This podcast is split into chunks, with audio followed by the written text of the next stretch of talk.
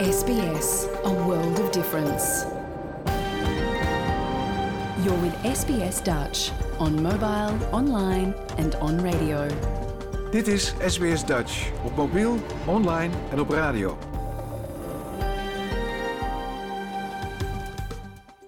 Graag erkennen wij de traditionele eigenaren en verzorgers van het land van waar we vandaag SBS Dutch uitzenden en uiten we ons respect aan de Camaragal mensen van de Kurungay Nation en hun ouderlingen uit het heden en het verleden. Ook kennen we de traditionele eigenaren van alle Aboriginal en Torres Strait Islander landen van waar u vandaag naar ons programma luistert.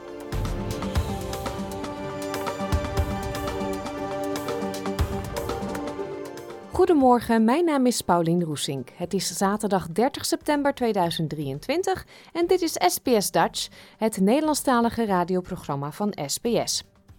Het komende uur hoort u een gesprek met Kathleen Luiks. Kathleen woont al bijna 10 jaar in Port Macquarie en maakte in 2019 de verschrikkelijke bosbranden van dichtbij mee. Deze bushfires waren de inspiratie voor haar allereerste kinderboek. We hebben een nieuwe les Leer Nederlands, waarin Joyce Diebels dit keer uitleg geeft over de laatste letter van een woord. Leesconsulente Larissa de Ru neemt ons mee op vakantie naar Zweden en het willekeurige weekoverzicht komt natuurlijk ook voorbij. Dat en muziek van Nederlandse bodem allemaal straks. We beginnen met de actualiteit. Over twee weken, op zaterdag 14 oktober, gaan Australiërs naar de stembus om hun mening te geven over het Indigenous Voice to Parliament. Om het voorstel te laten slagen heeft het referendum een zogenaamde dubbele meerderheid nodig. Dit betekent dat een meerderheid van de bevolking in een meerderheid van de staten ja moet stemmen. Maar wat gebeurt er zodra de stemmen zijn geteld? SBS Dutch op radio, online en op je mobiele telefoon. Australiërs worden in het komende referendum gevraagd of zij een wijziging van de grondwet steunen. Zodra de stembussen gesloten zijn en het tellen van de stemmen begint, kan het dagen of zelfs weken duren voordat het eindresultaat er is. Maar als het referendum succesvol is, dan gaat de uitslag naar gouverneur-generaal David Hurley en zal de grondwet gewijzigd worden om de First Nations people van Australië te erkennen door middel van de oprichting van een Aboriginal en Torres Strait Islander Voice. Professor Cheryl Saunders van de University van Melbourne is een expert op het gebied van constitutioneel recht. Ze zegt dat het dan aan het parlement is om te bepalen hoe het adviesorgaan precies zal functioneren. The next thing that will need to happen uh, is that legislation will need to be drafted uh, to set the voice up, provide for its composition and functions, and so on. There will also need to be some uh, careful thought given within the government and parliament as to how it will relate to the voice and how uh, the answers to that will be reflected in legislation. De eerste principes ter overweging zijn al vastgelegd via een co-design proces. Maar professor Anne Toomey van de Universiteit van Sydney zegt dat het jaren kan duren voordat de voice werkelijkheid wordt. This might take a while. It could take a year, it could take longer. I would imagine that the Albanese government would want to get it done during this term of office just to make sure that it can complete the pro- project. In the past, establishing other bodies like the High Court of Australia did take a number of years from um, after the point at which the Constitution required them to exist. Het alternatief is dat het referendum het op 14 oktober niet haalt en de grondwet dus ongewijzigd blijft. Hoe dan ook moeten de regering en de oppositie, die het heel erg met elkaar oneens zijn, de mogelijkheden blijven onderzoeken, al dus professor Toomey. Both sides will be looking very closely to try and work out the reasons for the voting in the referendum in order to give them a strong indication of what is wanted by the Australian people. So, all of this really comes down to trying to work out what the Australian people meant by no vote uh, and uh, it's quite a difficult thing to, to work out. Een mogelijk alternatief, een nieuw referendum dat uitsluitend gaat over grondwettelijke erkenning, werd al benoemd door oppositieleider Pieter Dutton. Professor Saunders zegt dat het voortdurende debat zal uitwijzen wat voor een impact de uitslag van het referendum zal hebben op de oproep van mensen om een verdrag te sluiten met First Nations people. In a sense that can happen, whatever the outcome of the referendum. Uh, whether it will or not, I think, uh, is uh, a matter for debate and a matter for wait and see. Even if there is political will uh, to move forward with treaty uh, if the referendum fails, it's going to take a while. De uitslag van het referendum zal staten en territoria er niet van weerhouden om hun eigen acties te ondernemen op dit gebied. Professor Toomey zegt dat de nadruk is gelegd op de noodzaak om de manier waarop First Nations people worden betrokken bij beleidsbeslissingen te verbeteren. It's the states and territories that actually have a stronger influence in the lives of Australia's Indigenous people, and the outcome of the referendum won't um, affect what the states and territories continue to do. I think the one thing that everybody has heard loud and clear uh, is that we need to pay more attention to Indigenous Australians and listen to them about the way laws and policies affect them. Ga naar www.sbs.com.au voice voor toegang tot artikelen, video's, inclusief Indigenous perspectieven via NITV en podcasts in meer dan 60 talen. Of stream gratis het laatste nieuws en analyses, documentaires en entertainment via de Voice Referendum Hub op SBS On Demand. Dit was een verhaal van Tom Steiner voor SBS Nieuws, door SBS Dutch vertaald in het Nederlands. Dat was Edcilia Rombly met On Top of the World. De zomer van 2019 ligt Kathleen Luiks nog vers in het geheugen. Rondom haar woonplaats Port Macquarie, een gebied waar veel koalas voorkomen, woeden verschrikkelijke bosbranden. De gebeurtenissen inspireerden de Belgische om een kinderboek te schrijven.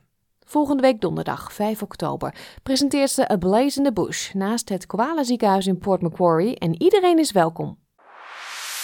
Jouw gemeenschap, jouw gesprek, SBS Dutch. Kathleen, gefeliciteerd met je eerste boek. Dank u wel. Een blaze in the bush. Een verhaal uh, wat er na aan het hart ligt, volgens mij. Ja, toch wel, toch wel. Het is gebaseerd op de bosbranden van 2019 uh, in de streek waar ik, waar ik woon, Port Macquarie. Ja, en jullie woonden ook erg dichtbij waar uh, de branden woeden? Uh, ja, dat klopt. Wij woonden heel dichtbij. Uh, niet dat we zelf in gevaar waren voor onze eigen woonst, maar de geur hing constant rond. We moesten binnen blijven, we konden geen ramen openzetten. Um, ja, bepaalde gebieden in de buurt werden dan geëvacueerd. We hebben ook logés gehad die bij hen thuis niet, uh, niet meer veilig terecht konden. Dus die een ja, onderkomen moesten zoeken. Dus ja, het leefde wel heel erg onder de mensen. Ja, het zal heel uh, enge gewaarwording geweest zijn. Ja, dat klopt. We hadden nog nooit zoiets meegemaakt. En dat was niet alleen omdat wij niet oorspronkelijk van hier waren, maar echt iedereen zei het ook wel. Het is echt iets heel impactvol. Ja, dat je eigenlijk maar één keer in je leven hopelijk meemaakt. Ja, uh, je zegt het al, we komen niet van de oorsprong daar vandaan. Iedereen kan het wel raden. Je komt uit België. Hoe zijn dat jullie klopt. hier zo verzeild geraakt? Ja, ik en mijn man, wij zijn allebei uit België en wij zijn naar hier gekomen toen onze zoon, onze oudste zoon zeven was. Uh, en ja, wij wilden zo heel graag gaan reizen. Um, maar met een, met een zoontje van zeven wilden we ons toch wel ook een beetje settelen, want we wilden hem toch wel die veilige thuishaven geven. Dus hebben wij besloten om te verhuizen en te zien hoe hij daarop zou reageren, hoe we er zelf op zouden reageren. En ja, we zijn dus gebleven, want we zijn hier nu ondertussen toch tien jaar. Ja, in de Port Macquarie-regio. Ja, ja. Toen dat gebeurde, die bosbranden, had je toen meteen het idee: ik moet hier een verhaal over schrijven, een boek over maken? Um, niet direct. Uh, het is uh, eigenlijk pas nadien, toen wij, wij merkten dat het over, eigenlijk over de hele wereld groot nieuws was. En hoe, hoezeer mensen begaan waren uh, met de, natuur vooral en de, de dieren, vooral de koala's. Dat was zoiets dat heel erg aansprak en um, ja, tot de emoties wereldwijd sprak eigenlijk. Um, en mijn, mijn neef, die in België woonde, eh, die stuurde regelmatig berichtjes van hoe gaat het daar. En, want voor hen, voor, voor hen in, in België, en ik, ik veronderstel Nederland, heel Europa, ze dachten dat heel Australië in brand stond. Dus ik heb dat wel een klein beetje moeten duiden. Maar het klopte wel. De wereld was mee en ze maakten zich ook mee zorgen. En het is eigenlijk mijn neef die, die het idee naar mij heeft gebracht van kan je daar eens geen boek over schrijven? Want we hadden al eens gepraat over samen een verhaal maken, omdat ik wist dat hij heel mooie illustraties kan maken. En hij gaf me eigenlijk dat idee een beetje. En zij zou dat niet uh, iets zijn dat kan aanslaan, zoiets. En dan zijn we samen beginnen zoeken. En op de, op de duur, het ene idee kwam na het andere. En op de duur was, was het niet meer zo heel duidelijk welk idee van wie kwam. Maar ik heb dan het verhaal uitgeschreven. Uh, eerst in het Nederlands en dan heb ik het vertaald in het Engels. En op die manier bij een publisher terechtgekomen. En zo uh, ook hem naar voren geschoven als zijnde een goed illustrator. En het is eigenlijk een beetje gek, want hij is nooit in Australië geweest, maar de manier waarop dat hij de, de beelden heeft weergegeven, naar foto's te zien die ik hem stuurde en, en ook van de dieren hier. Het is gewoon prachtig, vind ik, het resultaat, al zeg ik het zelf. En eigenlijk toch wel opmerkelijk, omdat hij hier dus nog geen voet in Australië heeft gezet. Nee, ze zijn echt heel schattig ook, vind ik, de tekeningen. Ja, ja. Het is heel erg uh, ja, op jonge kinderen gericht, natuurlijk. Dus jullie zijn samen een goed team. Uh, kan je in het kort vertellen wat er allemaal, natuurlijk niet alles verklappen, maar wat er ja. in het boek zal gebeurt? Want het gaat natuurlijk over een bosbrand. Ja, ja, het gaat over een bosbrand. Dus het, het begint met de dieren uit het eucalyptuswoud die iets ruiken, die merken dat het al zo lang droog is, dat er hangt een brandgeur in de lucht. Ze zijn, ze zijn een beetje ongerust. Ze willen graag uh, er iets aan doen, want hun, hun huis is in gevaar. En uh, ja, ze, ze willen iets doen om ja, dat uh, gevaar tegen te gaan. Dus ze spreken af dat ze op de uitkijk gaan staan. Ze vormen een Woodwatch team. Uh, en ze gaan patrouilleren in het woud en kijken wat nu de oorzaak is van die brand. Ondertussen um, ja, ontdekken ze dat ook de mensen helpen om de brand te blussen. De, de, ja, de brandweer komt erin voor. Uh, enkele mensen die begaan zijn met dieren die hen water brengen en zo van die dingen. Dus dat komt er ook in. Uh, en dan uiteindelijk merken ze dat, het, ja, dat het een klein schattig draakje is. Die moet niezen en daardoor vonkjes veroorzaakt, waardoor er eigenlijk brand ontstaat. En het draakje is er zelf uiteraard niet gelukkig mee. En dan zoeken ze naar oplossingen waardoor dat niezen kan stoppen. Maar uiteindelijk vinden ze wel een oplossing. Maar natuurlijk, die brand die is er al. En dat is ook wat in het echte leven zo is. Uh, een brand van die proporties je kan niet anders doen dan wachten, wachten tot het regent. Want ook de brandweer is niet sterk genoeg en heeft niet genoeg middelen om het allemaal op te lossen op zichzelf. Dus uiteindelijk moeten ze wachten op de regen.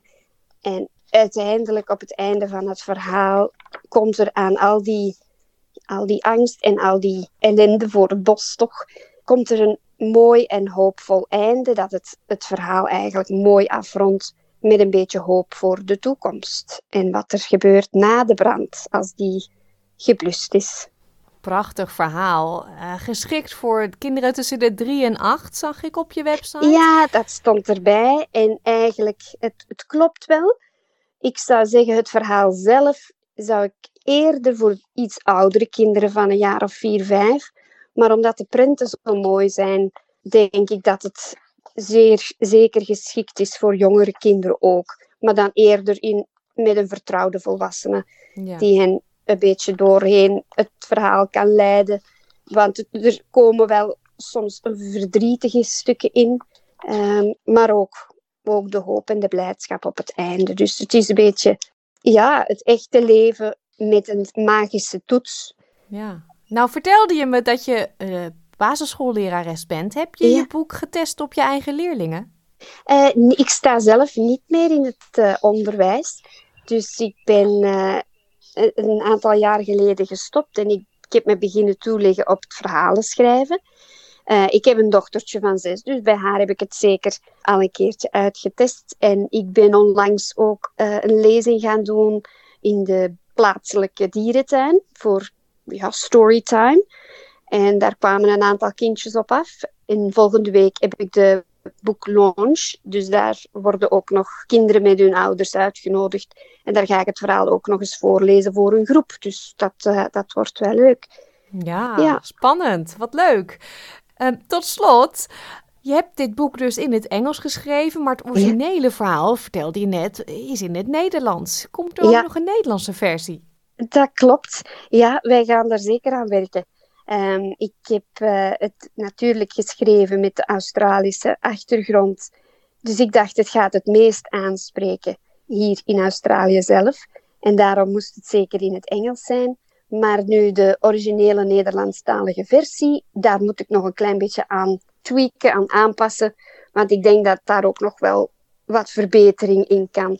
Dus dat ga ik nu doen. En dan uh, is het de bedoeling dat mijn neef Raf Luiks, die de mooie illustraties heeft gemaakt, dat die dan in België eens gaat uh, rondhoren of dat er daar een uitgever geïnteresseerd kan zijn. Maar met een boekje in handen is dat natuurlijk gemakkelijker, denk ik, eenvoudiger. Ja. Uh, om te laten zien wat het resultaat kan worden. Ja.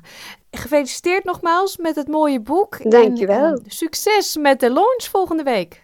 Ja, dank u. Dat uh, hoop ik dat dat goed gaat, maar ik denk het wel. Ik heb er al een goed gevoel bij. Het is uh, trouwens nog een leuk weetje. Het is naast het Koala Hospitaal dat de boeklaunch plaatsvindt. Dus er kon eigenlijk geen betere setting vinden dan die voor dit verhaal.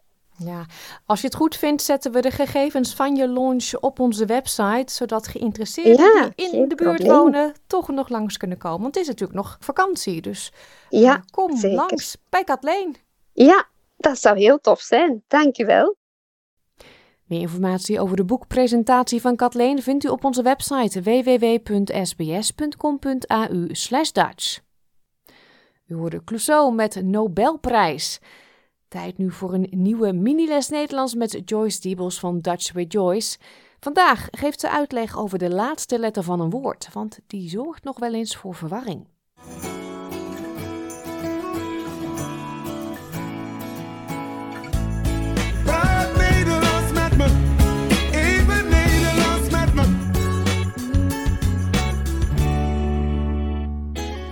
Hoi, ik ben Joyce van Dutch with Joyce, and today we have another Dutch mini lesson. A question that I often get, or that I often not see going so great, is the letters at the end of a word. So, in English, we see a lot of double consonant endings. This can be any letter, but the most common one is probably will. W I L L. In Dutch, basically, the direct rule is if you don't pronounce the letter, you don't need to write it. So, the double L construction in will doesn't have any add on. Whether I spell it with one or two L's, there's no difference in my pronunciation. Therefore, if I want to say will in het Nederlands, I just spell it like W I L. Note though that will in Dutch means I want, ik wil, and I will in English is ik zal. So we will do something in the future, ik zal, and I want to do something is ik wil in Dutch. Another thing about those letters at the end of a word is the following rule. In Dutch, a word can never ever ever, ever end in a V or a Z. Not possible. If you do see a word like, let's say, jazz, which is a really cool, cool example because it ends in double Z, you know that this is a borrow word. This comes probably from the US and we just kept it as is, but it would never be possible in and for a Dutch word. Okay, so what do we do with words that have a Z or a V in their verbs? And if you take away the EN, you are stuck with a Z or a V. What do you do? Well, logically, we know that the letter V is the softer version for the harsher letter F. And likewise, the softer version Z is the softer version for the stronger S. So, in case you haven't guessed it, the V changes into an F and the Z changes into an S at the end of the word. So, let me give you a few examples. In our lesson about hobbies, you now know that reading is lezen. Lezen is the plural, so we could say wij lezen. But if I want to say I read, I have to say ik lees met een S. Ik lees, wij lezen. Softer. Another version that I thought you was to paint, which is verven. Wij verven. But for I, we take away the un sound and it is ik verf. Ik verf, wij verven. A couple of other verbs that are similar is to travel. We travel is wij reizen. Wij reizen. I travel will be ik reis. Ik reis. Ik reis, wij reizen. Or to give.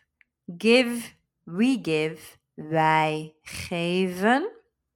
I give, ik geef. Ik geef, wij geven. And the last one, I live. I live, as in I'm alive, is wij leven. And I live is ik leef. Ik leef, wij leven. So here you are. Change the Z into an S at the end of the word. Change a V into an F at the end of the word. And never ever write double consonants or vowels at the end of a word because we don't pronounce them. That is your lesson for today. Keep note of these words and we'll catch you next time. Doei!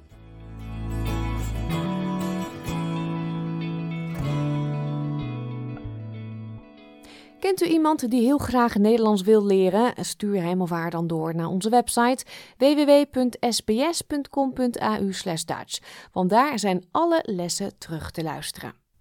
Dan is het nu tijd voor een overzicht van enkele opvallende nieuwsberichten uit Nederland van de afgelopen week. Met dank aan de NOS, RTV Utrecht en Nieuwsuur.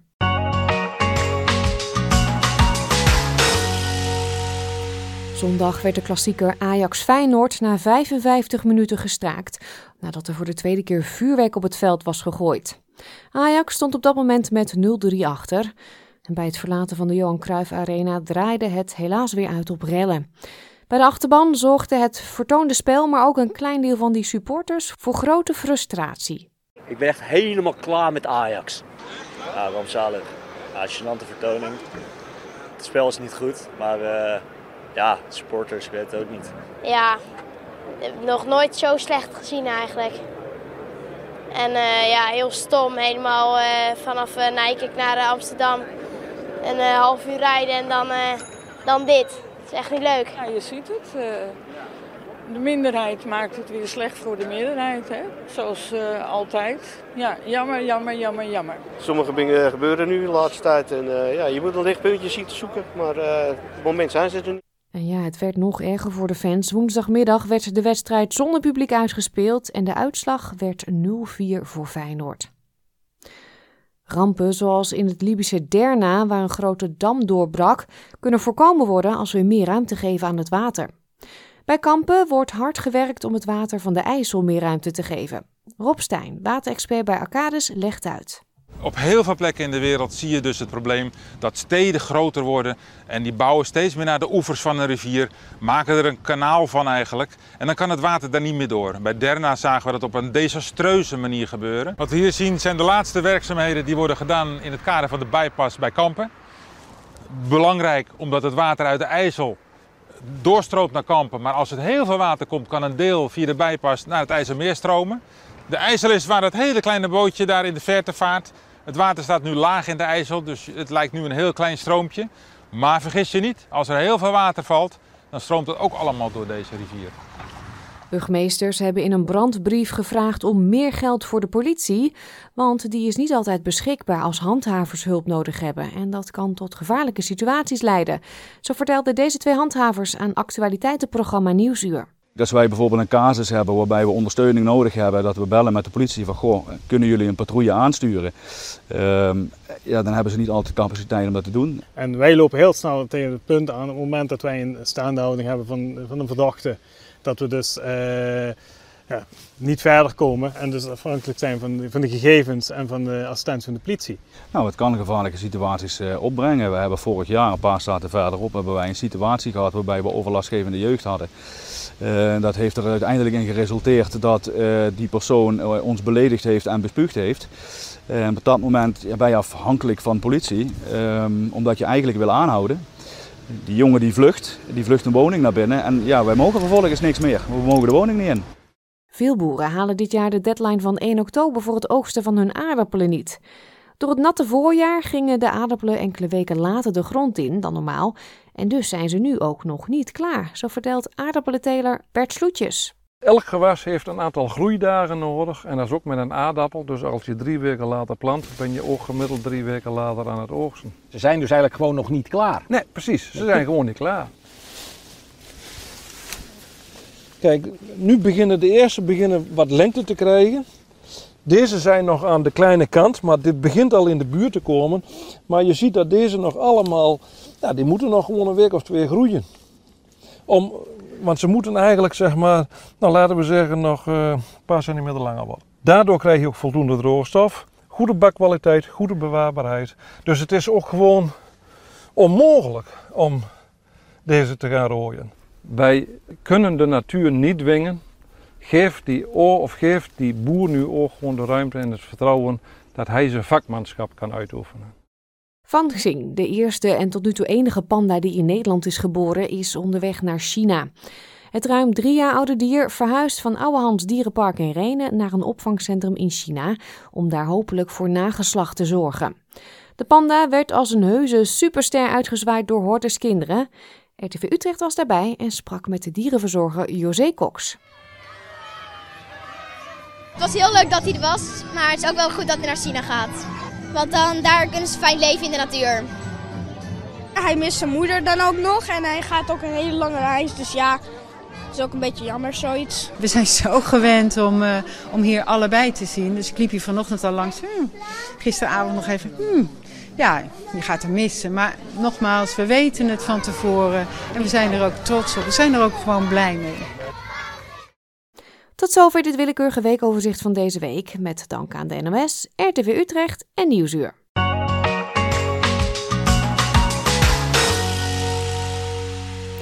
Voor het volgende hebben we de archieven van het SBS-gebouw doorgespit. We kwamen een doos met daarop het woord conferences tegen en daarin vonden we een fragment Opa van Wim Sonneveld.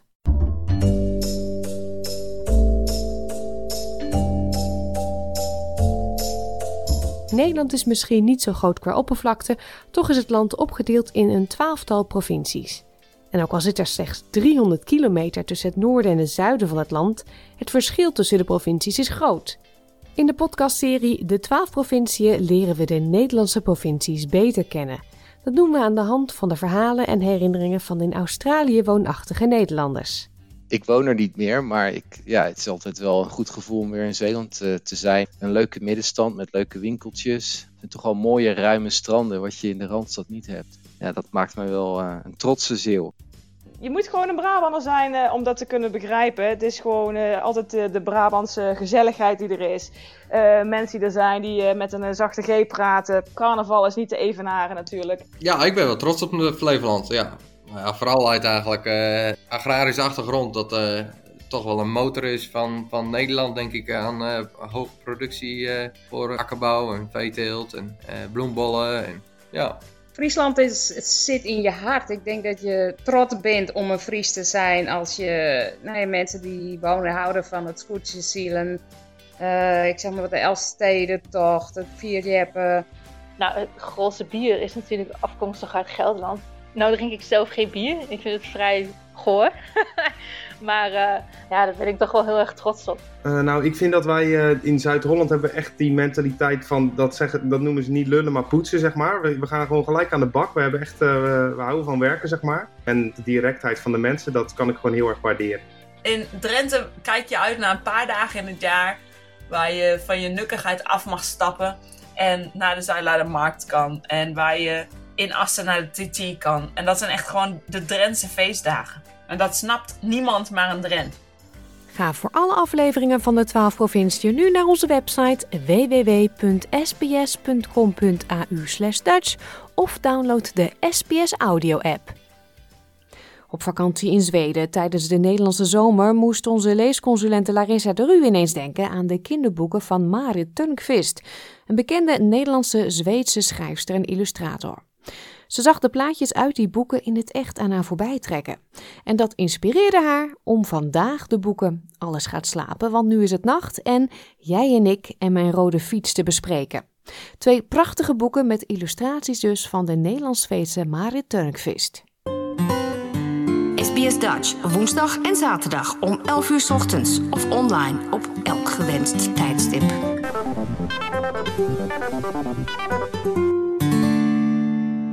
Zoals veel mensen zich waarschijnlijk realiseren, is in Nederland net de zomervakantie afgelopen. Nou ja, net, een paar weken alweer.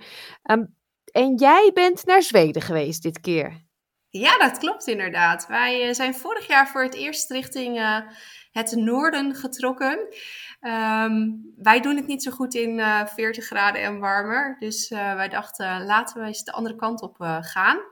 Vorig jaar Denemarken en nu ook weer. Maar dit jaar gingen we ook voor het eerst Zweden ontdekken. En al reizende door het mooie landschap, de vele bossen, kreeg je inspiratie voor de nieuwe kinderboekenhut aflevering. Ja, dat klopt inderdaad. Want uh, ja, wij hebben voor toen de kinderen heel uh, veel jonger waren, heel veel voorgelezen uit uh, gedichtenboeken. Zoals jullie weten ben ik daar gewoon heel erg gek van. geïllustreerd door Marit Turnquist. En ja, zij is half Zweeds, half Nederlands. En dat zie je in veel van haar boeken, de illustraties, ontzettend terugkomen. Mm -hmm. En uh, hoe ging dat dan? Je was op vakantie en dan herkende je eigenlijk de plaatjes uit de boeken? Ja, nou letterlijk zo, ja. Vooral uit één van de, van de bundels. Uh, ja, dat is echt gewoon alsof je, alsof je dat boek instapt als je rondloopt in Zweden. Het gaat ook over sfeer. Ja, het grote wijdse wat wij in Nederland natuurlijk helemaal niet kennen. En uh, ja, ook die bomen. Mm -hmm. De bomen en de meren. Mm -hmm. Nou, ik ben wel heel benieuwd welke je dan hebt uitgekozen. Ja, ik heb uitgekozen als eerste boek Jij en ik en mijn rode fiets. Uh, dat is een boek dat zij uh, geïllustreerd heeft. Zij is begonnen, ze heeft ook de kunstacademie gedaan, dus ze is echt begonnen als illustrator van uh, verschillende boeken. En dit specifieke boek is echt een beetje een samenwerking. Het zijn namelijk oorspronkelijke versjes van een Zweedse schrijfster. Julia Wieslander heet zij. En de versjes zijn bewerkt door Hans en Monique Hagen. Nou, veel mensen zullen Hans en Monique Hagen wel kennen. Zij doen heel veel dichtwerk. En ze hebben een super bekende bundel en die heet Jij bent de liefste. En ja, hun dichtwerk is gewoon super mooi. Ze hebben ook wel vaker met Marit samengewerkt. En ja, ik zal maar even beginnen met het gedicht, waar de titel ook vandaan komt. Stel je dus een illustratie voor waar je dus heel veel van die dennenbomen ziet. En mooie gele. Ja, ik denk dan, hoe heet die ook alweer? Die plant die zo mooi prachtig geel bloeit. Um, we zoeken dit later op. en een heel klein pittoresk landweggetje. Heel vroeg in de morgen. Geen auto's op de weg. Alleen mijn mooie fiets. Verder niets. Jij en ik en mijn rode fiets. Ik en jij, blij, blij, blij, met mijn mooie fiets. En later in het uh, boek gaat er dus nog iets verder gebeuren met, dat, met die fiets. Er is nog een gedichtje over, maar uh, die hou ik dan nog eventjes geheim. Iets minder leuk, dat zeg ik er wel. Oh, maar in dit boek is dus, in dit geval zijn de illustraties van Marit en niet de teksten, ja. zoals je zei. Ja. Zij gaat al lang mee, hè? Ja, ja, zij doet heel veel. En dat vind ik ook uh, ontzettend leuk. Ik heb ook um, een half jaar geleden ben ik aanwezig geweest bij een lezing van haar. Waarin zij vooral heel erg inging op het feit dat zij dus tweetalig is opgegroeid. En hoe dat dan is. Uh, om een deel ja, te verhuizen naar een land waar je de taal niet spreekt. En daarom vond ik het ook wel interessant voor, voor de luisteraars. En daardoor is ze ook heel veel bezig met uh, werk voor goede doelen. Waarbij inderdaad voor vluchtelingen boeken gemaakt worden in uh, hun eigen taal. Dat heeft ze eerst in Zweden gedaan. En ze is ook bezig met een bundel hier in Nederland, waarbij ja, Nederlandse verhalen of verhalen waarbij het echt gaat hoe de Nederlandse cultuur dan in elkaar zit. Om die uit te geven in de vijf meest gesproken talen in voor vluchtelingencentra. Zodat je ja, je eigen taal in ieder geval nog wel een beetje hebt uh, waar je bent.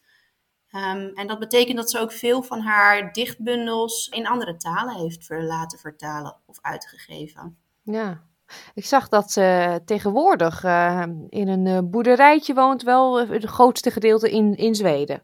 Ja, dat klopt. Ze heeft nog wel ook een woonplek in Amsterdam, maar ze kreeg gewoon heimwee uh, terug naar ja, de uitgestrektheid. En haar kinderen, als ik het goed onthouden die, heb, die wonen ook nu in Zweden weer. Dus um, ja, hmm. het trok toch weer. Ja, ja, kan me voorstellen. Is het tweede boek wat je dan hebt gekozen geschreven door haar? Het verhaal door haar bedacht? Nee, ik heb daar wel heel erg over zitten twijfelen. Want ja, ik dacht, we hebben het natuurlijk altijd over schrijvers. En, maar omdat zij zoveel werk heeft gedaan, het andere boek wat ik heb gekozen um, is van haar en Bet Westra. Maar ik wilde eerst nog één gedichtje voorlezen, omdat die illustratie echt op en top is. Alsof je dus inderdaad in dat Zweedse platlandschap stapt. Dus dan doe ik die nog heel even en dan uh, schakelen we naar boek 2. Het tweede gedicht wat ik wilde doen, wat heet Spatstil.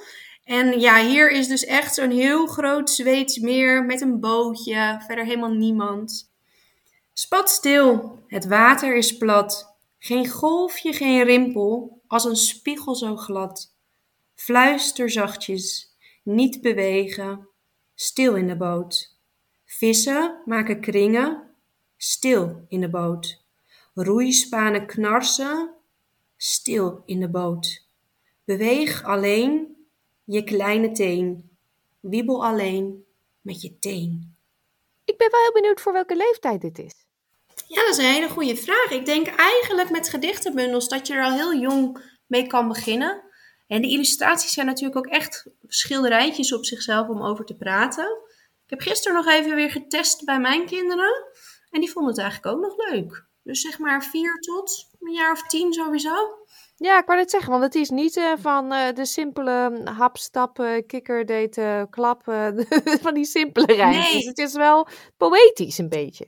Ja, maar toch, omdat het over hele herkenbare dingen gaat voor kinderen, kunnen ze er wel al veel snel in mee. En dan zien ze het op de illustratie ook. Dat zijn ook eigenlijk wel zoekplaatjes. Dus ja, ja, voor op onze website een plaatje uit het boek, denk ik. Ik denk dat mensen wel nieuwsgierig zijn geworden. www.sbs.com.au slash Dutch. En ja, nu kan ik het toch niet langer houden. Dan ben ik heel nieuwsgierig naar het tweede boek. Dat tweede boek, dat uh, is ook weer zo'n hele samenraapsel. Ja, sorry, ik promoot Nederlandse schrijvers, maar dit is een beetje een, uh, een, een mengelmoes. En het boek heet namelijk Alles gaat slapen. Uh, en in het Engels is die ook uitgegeven. Daarom had ik toch voor deze gekozen. Want als mensen nou heel enthousiast worden, dan kun je hem in ieder geval vast in het Engels opzoeken. En in het Engels heet hij Now That the Night is Near. En uh, Marit heeft namelijk ook heel veel samengewerkt uh, met Astrid Lindgren van Pipi Langkous. Ja, en uh, dit prentenboek, wederom dus prachtig geïllustreerd, is eigenlijk een, uh, ja, een slaapliedje, wat dus eigenlijk nog nooit was uitgegeven. En omdat zij dus zoveel heeft samengewerkt met Astrid, mocht zij dat uh, overnemen en omzetten in een boek. En daarvan is de tekst dan weer vertaald door Bette Westra. En zij doet ook weer heel veel gedichtenbundels maken. Ze is in Nederland best wel heel bekend. En ze doet ook heel veel leuke talige dingen altijd in haar boeken. Dus ik dacht, nou, dan hebben we weer een Nederlandse vertaler en een half Nederlandse illustrator. En een hele bekende oorsprong natuurlijk. Uh, dus ja, alles gaat slapen. En now that the night is near in het, uh, in het Engels. En dan wil iedereen natuurlijk wel weten waar het verhaal over gaat. En nou, het verhaal gaat dus over de nachtelijke tocht van een huiskat. En die gaat dus door de omgeving van een eenzaam huisje op het platteland. En ja, het is eigenlijk gewoon een prachtig mooi gedicht over slapen gaan. En heel herkenbaar natuurlijk voor heel veel kinderen van wat gebeurt er dan en maar wat doet dan zo'n kat.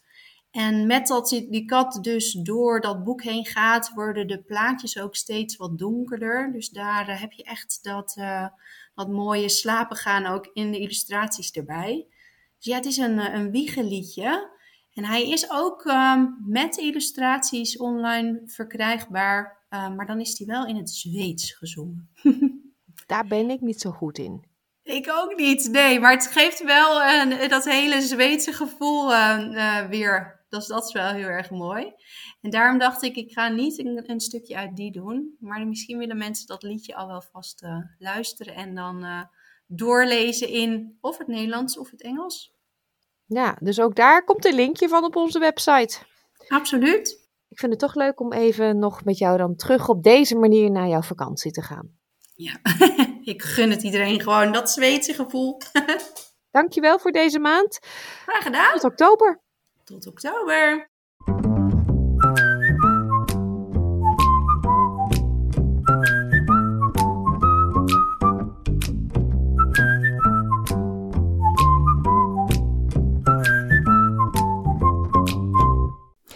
Met deze kinderboekentips van Narissa komen we aan het einde van dit uur SBS Dutch. Ga naar www.sbs.com.au Dutch om deze aflevering of al onze andere verhalen en series terug te luisteren. U kunt ook de gratis SBS Audio app downloaden. Dit kan in de Apple Store of Google Play. We eindigen dit uur swingend met Laat het vanavond gebeuren van De Dijk. Ik wens u een heel goed weekend. Dag! Like, deel, geef je reactie. Volg SBS Dutch op Facebook.